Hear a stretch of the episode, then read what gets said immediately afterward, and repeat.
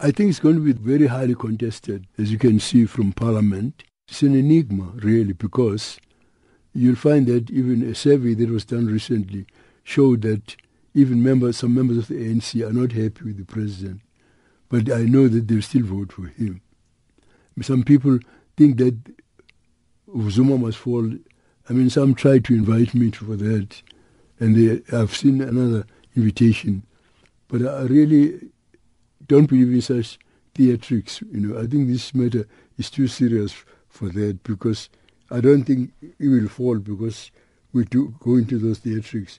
Not that I'm happy myself with how the country is run. The date for the local government elections has still not been announced. Is this hampering your preparations? It will be good for us to know in regard to preparations for the election. I, I don't know why the government, uh, but there was that constitutional case about clock where the IEC have said that they are trying to address the issue that the constitutional court raised concerning the by-election in Tlokwe.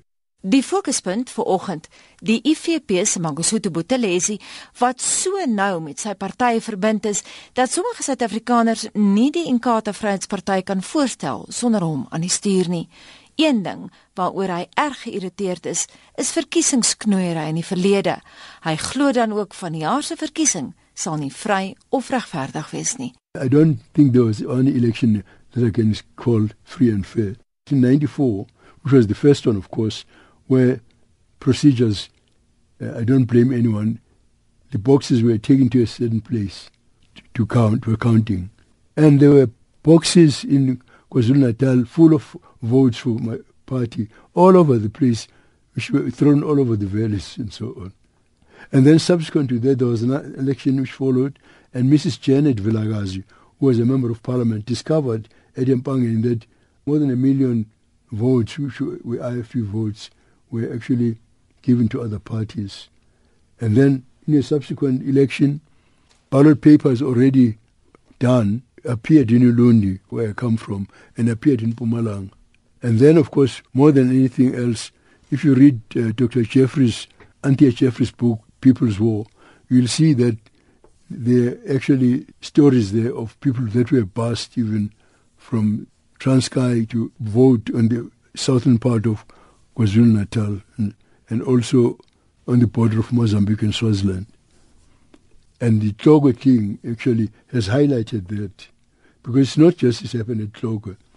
I mean, in Ward 11 in Nongoma last year, three members of the IFP resigned and joined the ANC. And those by-elections took place. We lost all of them. But fortunately, one Mr. Ndwandwe, who was our party agent, he saw that the person in charge of the voting station did not count the special votes. So he drew his attention, to her, her attention to it. So she said, pity because they were not stamped. Because there was no stamped, we can't count them. So our, our chairman took up the matter with the IEC, which uh, IEC also said that was wrong. But they didn't make a decision. They referred it to the electoral court. And the electoral court said those votes must be counted, and they were actually Ward 11 actually belonged to us. And I come to the next thing also about those people that are, are actually in charge of stations, which are drawn from the South African Democratic Teachers Union, you know, SADTU, who, who are actually SADTU, part of COSATU. Even during elections, they, they actually campaign for the ANC. But then to put them in charge of, in that case, that woman was actually a member of SADTU who did so, as an, a concrete example of what is, is going on.